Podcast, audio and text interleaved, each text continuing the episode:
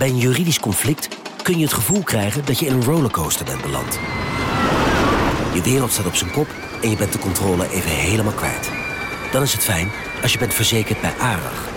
Daar werken topjuristen en advocaten die je begrijpen. Die een stap extra voor je zetten. En je het gevoel van controle teruggeven.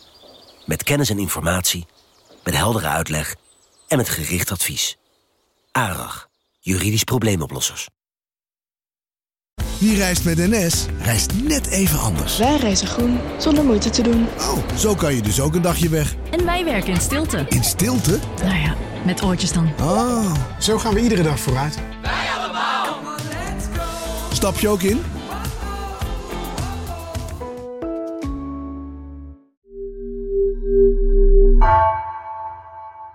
In deze aflevering komt zelfdoding voor.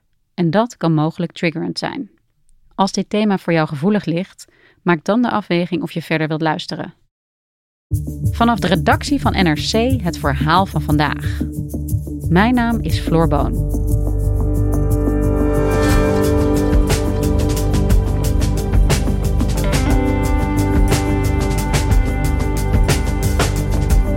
Thijs H. stak in 2019 uit het niets drie wandelaars dood. Hij werd veroordeeld tot 22 jaar cel en tbs. Maar rapporten van deskundigen, waaruit blijkt dat hij psychotisch was, werden genegeerd. Onderzoeksjournalist Bas Haan sprak met de ouders van Thijs H. en kreeg inzicht in het dossier. Is Thijs H. de liggende moordenaar, zoals justitie hem ziet, of een psychiatrisch patiënt die onder invloed van verkeerde medicatie gruwelijke moorden pleegde?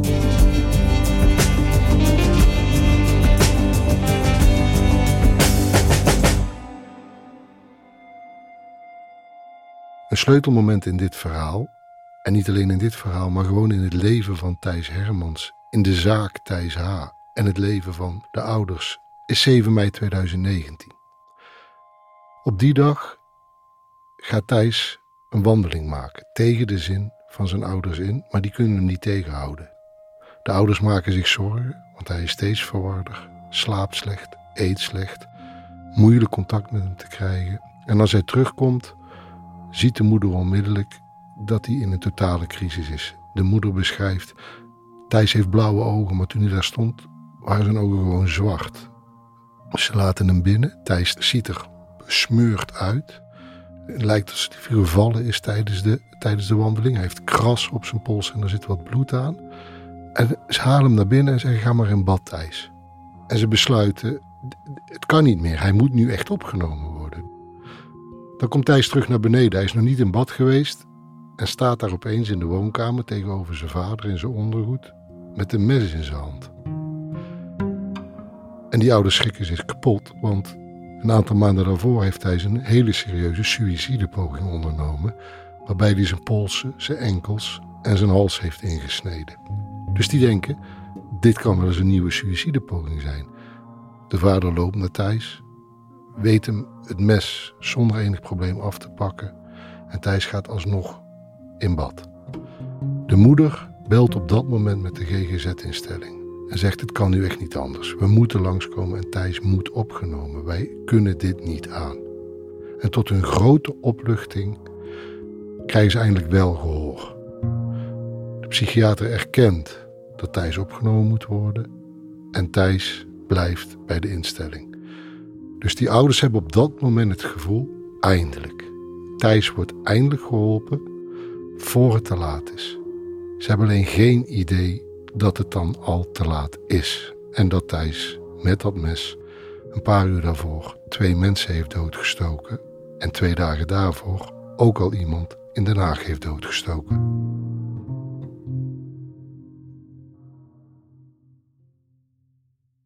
Ja, Bas, het is een beangstigende scène die hier schetst. Deels door de ogen van de ouders van Thijs H. Thijs Hermans, zoals jij hem noemt. En die naam ja, zal sommige mensen behoorlijk bekend in de oren klinken, maar uh, zeker niet iedereen. En voor diegene kun jij vertellen waar de zaak van Thijs H. om draait, waar hij voor is veroordeeld? De zaak is bij de meesten bekend als de zaak van die man die drie mensen heeft doodgestoken. Goedenavond. In vier dagen tijd drie moorden. De slachtoffers zijn allen wandelaars die met hun hond op pad waren. In Den Haag een vrouw van 56 en een man van 68 en een vrouw van 63 op de Brunsumer Heide bij Heerlen. De politie pakt gisteravond in Zuid-Limburg een verdachte op. En het gaat dan om deze man, Thijs H., een student van 27 uit Den Haag. Er lag een vrouw aan de kant. Uh, die, daar was de politie al voor gebeld. En uh, ik ben extra anders gelopen het bos in om, om het te vermijden. En daar vond ik nog een uh, meneer die ook dood was gestoken. Vanaf moment 1 is er een beeld ontstaan van een monster, een seriemoordenaar... die uit handen van de politie wilde blijven eh, die geholpen werd door zijn ouders. En dat is het hele strafproces dat er natuurlijk is geweest, is dat, is dat de toon blijven bepalen. Dat strafproces is erin geëindigd dat hij 22 jaar cel en TBS heeft gekregen voor drie moorden. Um, en het hele proces is gegaan over de vraag: in welke toestand deed hij wat hij deed? En is hem dat te verwijten? Was hij volledig ontoerekeningsvatbaar omdat hij in een psychotische toestand verkeerde? Of is het hem wel degelijk aan te rekenen? Ja, jij bent hier helemaal ingedoken in deze zaak die eigenlijk gesloten was. Wat bracht jou ertoe om hier zo je in te storten? Um, aanvankelijk heb ik deze zaak nooit gevolgd, maar toen die helemaal afgerond was, hoorde ik wel van een aantal kanten hoe bijzonder het was dat er in deze zaak zo'n ontzettend grote kloof zat tussen het standpunt van het Openbaar Ministerie enerzijds en het standpunt van de deskundigen die hem onderzocht hadden van het ministerie van Justitie bij het Pieter Baan Centrum anderzijds. En zijn advocaat Job Knoester, die samen met Serge Wening deze zaak gedaan heeft, dat zijn twee ervaren advocaten. Job Knoester is al bijna 30 jaar TBS-advocaat en die die zeggen ook echt van, ja, we hebben dit nog nooit meegemaakt. Ik vind als advocaat dat je eigenlijk het uh, recht moet respecteren. Maar in dit geval heeft het Hof hier echt geblunderd. Dit is echt een kunstfout van het Hof. En natuurlijk zijn het advocaten die gelijk willen krijgen, maar echt geen begrip hebben voor hoe het in deze zaak is gegaan. Als je iets weet van psychoses, dan weet je ook dat mensen binnen psychoses keuzes kunnen maken en dat die keuzes voor andere mensen volstrekt onbegrijpelijk kunnen zijn, maar die zijn volledig aangestuurd aan psychose. We hebben toen in die zaak gaan verdiepen en kwam natuurlijk ook bij de ouders van Thijs H. uit, die hun verhaal nog nooit uitgebreid in de media verteld hadden. Altijd hebben ze tot nu toe gezegd: wij willen ons leed niet groter maken dan dat van de nabestaanden, want dat is natuurlijk onmiskenbaar het grootste leed in deze zaak. Maar zij wilden wel een keer ook hun kant van dit verhaal kunnen vertellen. Ja, en dit is misschien ook een goed punt om even met hem te beginnen, Thijs Hermans. En om te begrijpen wat er is gebeurd. Want wie is Thijs Hermans? Wat is zijn geschiedenis? Um, totdat dit gebeurde, uh, was Thijs Hermans um, je studiegenoot, je broer, je zoon, je buurjongen.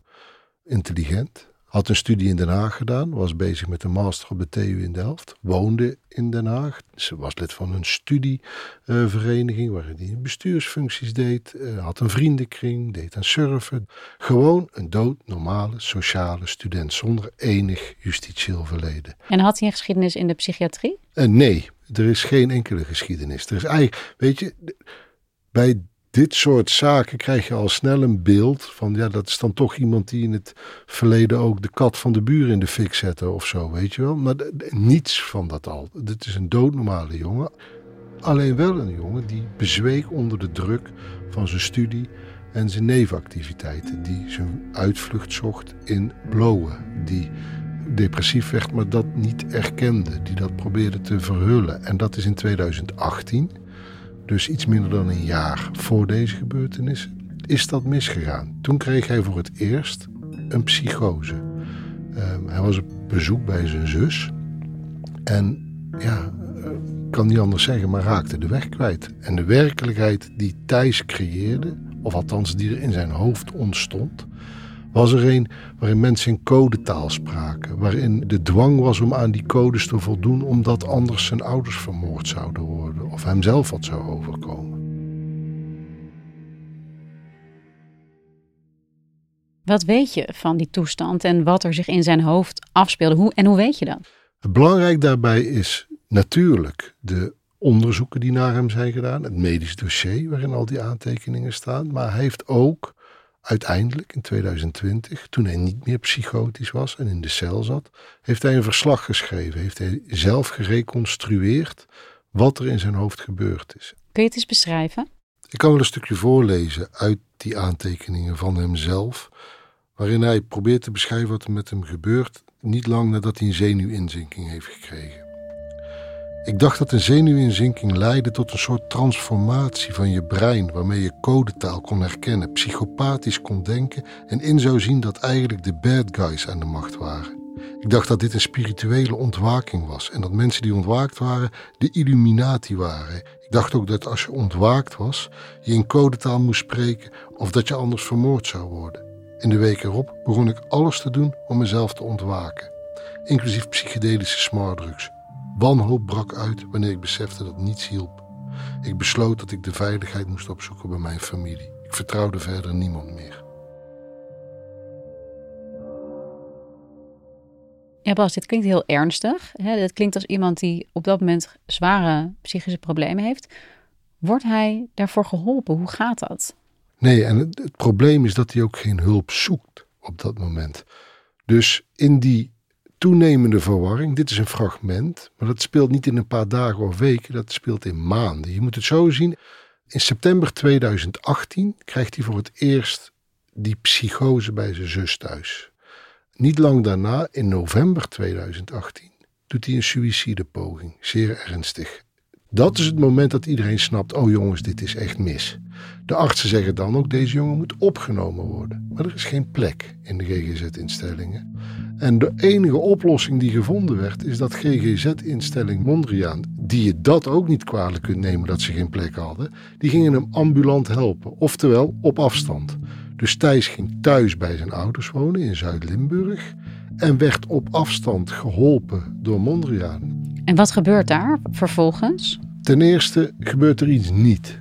Er wordt namelijk geen rekening gehouden met de eerdere psychose en de suïcidepoging bij het opstellen van het behandelplan. Hij wordt geobserveerd en ze komen tot de conclusie dat hij ADHD of ADD heeft. Hij verhult zijn psychose. Pieter Baan Centrum stelt erover vast dat daardoor mogelijk de misdiagnose ADHD, ADD is ontstaan. Maar dat heeft wel een dramatisch gevolg. Want het medicijn dat hij krijgt voor die misdiagnose, voor die ADHD, is het medicijn dexamfetamine. En van dexamfetamine is nu juist bekend dat het uh, een aanjagend effect of zelfs een veroorzakend effect heeft op psychoses. Dus iemand die last heeft van psychoses, die komt letterlijk van de regen in de drup door dit medicijn. Ja, dus in plaats van dat Thijs behandeld wordt voor een psychose, krijgt hij een middel dat die psychose mogelijk versterkt. Zo is het. En vervolgens, wat gebeurt er dan? Ja, vervolgens zien de ouders zien het steeds slechter gaan met Thijs. Hij eet niet meer, hij slaapt niet meer, hij valt gruwelijk af en hij wordt verwarder. Als ze daarmee teruggaan naar Mondriaan, naar die GGZ-instelling, krijgen ze horen, ja, dat, dat hoort bij een medicijn, dat zijn bijwerkingen.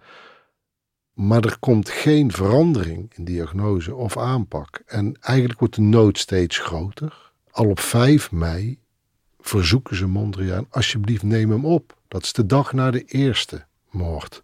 Maar dan krijgen ze weer te horen: nee hoor, het is het afstellen van het medicijn, dit hoort er allemaal bij. En dan komt dus twee dagen daarna, die dag, 7 mei, dat hij met het mes in de woonkamer stond en dat het allemaal al te laat is. En dan wordt hij uiteindelijk wel opgenomen.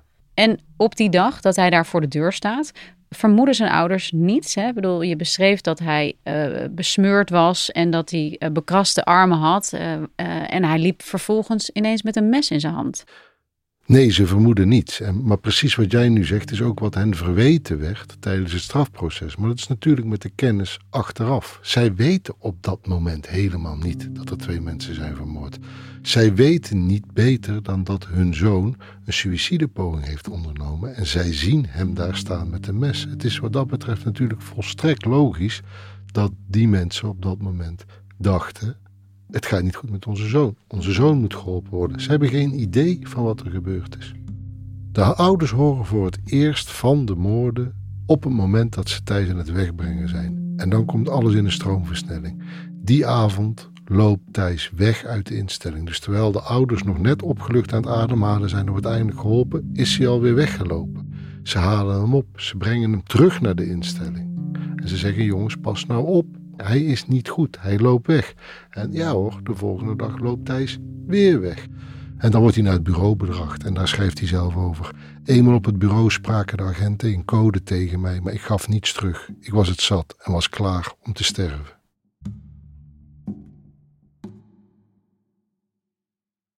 Ja, dus we zijn aanbeland op het moment dat Thijs is gearresteerd, opgepakt voor de moorden die hij heeft gepleegd. Hoe verloopt de zaak vervolgens? Hij zit dan, als hij gearresteerd wordt, natuurlijk nog volop in zijn psychose. Maar uiteindelijk krijgt hij andere medicijnen, is hij nog steeds heel verward. En dan, dan komt hij op die eerste zitting en dan, dan hoor je hem ook spreken. Ik beken dat ik deze moorden heb gepleegd. Ja. Heeft u tijdens, hè, u zegt ik, ik had een psychose, heeft u tijdens die psychose nooit een moment gehad dat u dacht: wat ik aan opdrachten, berichten krijg of wat ik lees, dat is niet echt. Dat klopt niet, dat zit alleen maar in mijn hoofd. Um, nee. Nee? Nee. Dan zit er een jongen. Ik zeg jongen, het is natuurlijk een man van 27, maar iedereen was wel duidelijk dat er. Dat net zo goed een tiener kunnen zijn als je hem zo ziet zitten. Is een fragiele jongen.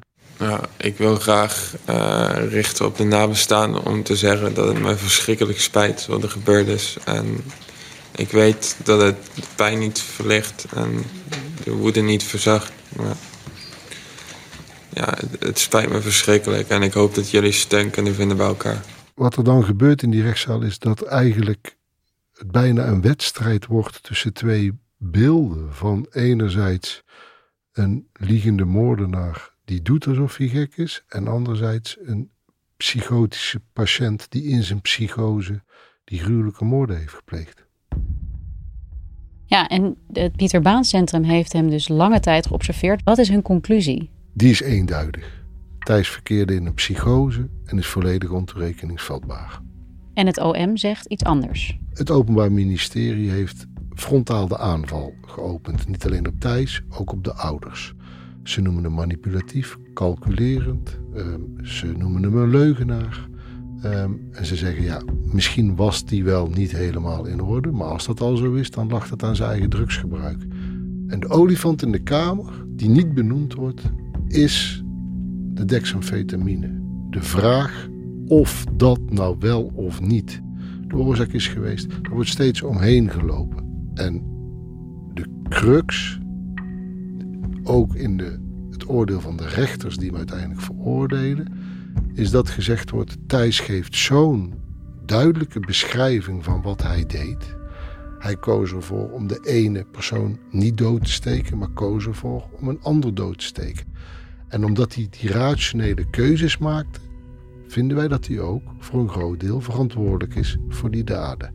En dat staat haaks op het oordeel van de psychiaters en de psychologen die hem hebben onderzocht, die zeggen die keuzevrijheid moet je zien binnen die psychose. Ja, dus er is een rapport van deskundigen die zeggen hij is ontoerekeningsvatbaar. Het Openbaar Ministerie en de rechter beslissen vervolgens anders.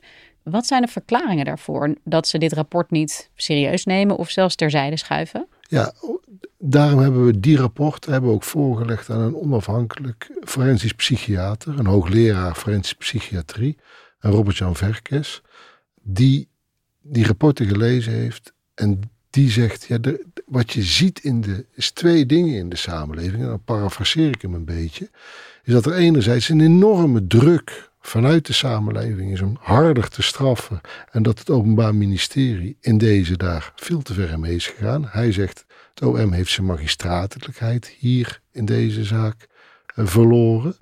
Er, er wordt een monster gecreëerd dat zo lang mogelijk opgesloten moet worden.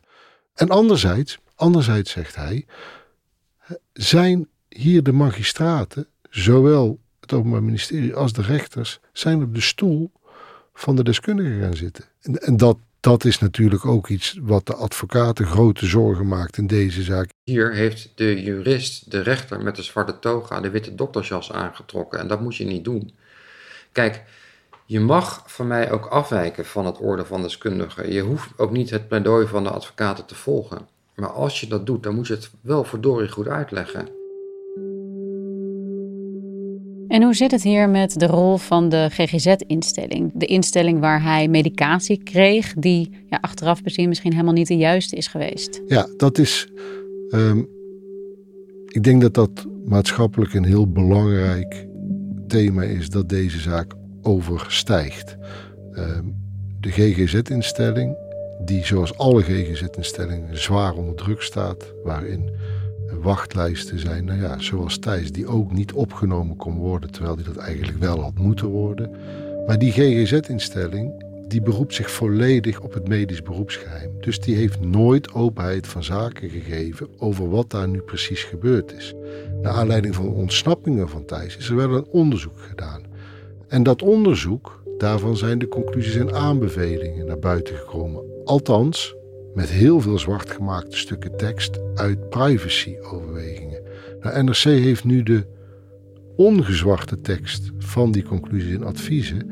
En daarin blijkt ook dat de psychose van Thijs en het voorschrijven van de dexamfetamine ook bij de inspectie geleid heeft tot allerlei aanbevelingen dat dat in de toekomst niet meer kan gebeuren. Dat niet iemand die last heeft van psychoses, dat medicijn voorgeschreven krijgt. Maar dat is dus allemaal niet transparant, dat is op de achtergrond gebleven. Dat is wat wij nu naar buiten brengen. Dus de, de, de zelfreflectie van wat er in de GGZ is gebeurd, is volledig afwezig in deze zaak. En ik denk dat dat heel jammer is. En Bas, als je nou even voorbij Thijs Hermans en de lotgevallen van zijn familie, van de nabestaanden van de slachtoffers en van de zaak op zichzelf kijkt. Ja, kunnen we hier iets van leren? Dat denk ik wel. En dan moet je vooral niet de zaak uh, aan zich bekijken, maar die moet je zien in een, in een hele reeks van zaken. Ik denk dat dit eens te meer aantoont dat je de vlucht naar er is iets heel ergs gebeurd en we moeten het monster dat het gedaan heeft zo hard mogelijk straffen dat het heel goed zou zijn als er echt gekeken wordt naar hoe het komt, wat er gebeurt en wat we in, in die GGZ en in de strafrechtketen kunnen doen om hier misschien echt nieuwe gevallen mee te voorkomen. Dankjewel Bas. Graag gedaan. Praten over zelfdoding kan anoniem via de chat op www.113.nl of bij de landelijke hulplijn 0800 0113.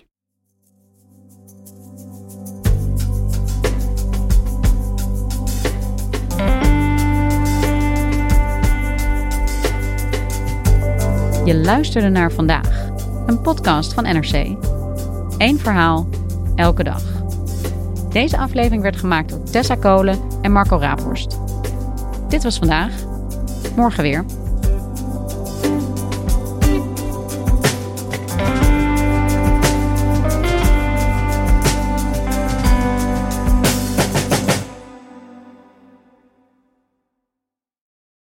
De financiële markten zijn veranderd, maar de toekomst, die staat vast. We zijn in transitie naar een klimaatneutrale economie. Dit biedt een van de grootste investeringskansen van onze generatie. Een kans voor u om mee te groeien met de pioniers van morgen. Meer weten? Ga naar carbonequity.com. Carbon Equity. Do good by investing better.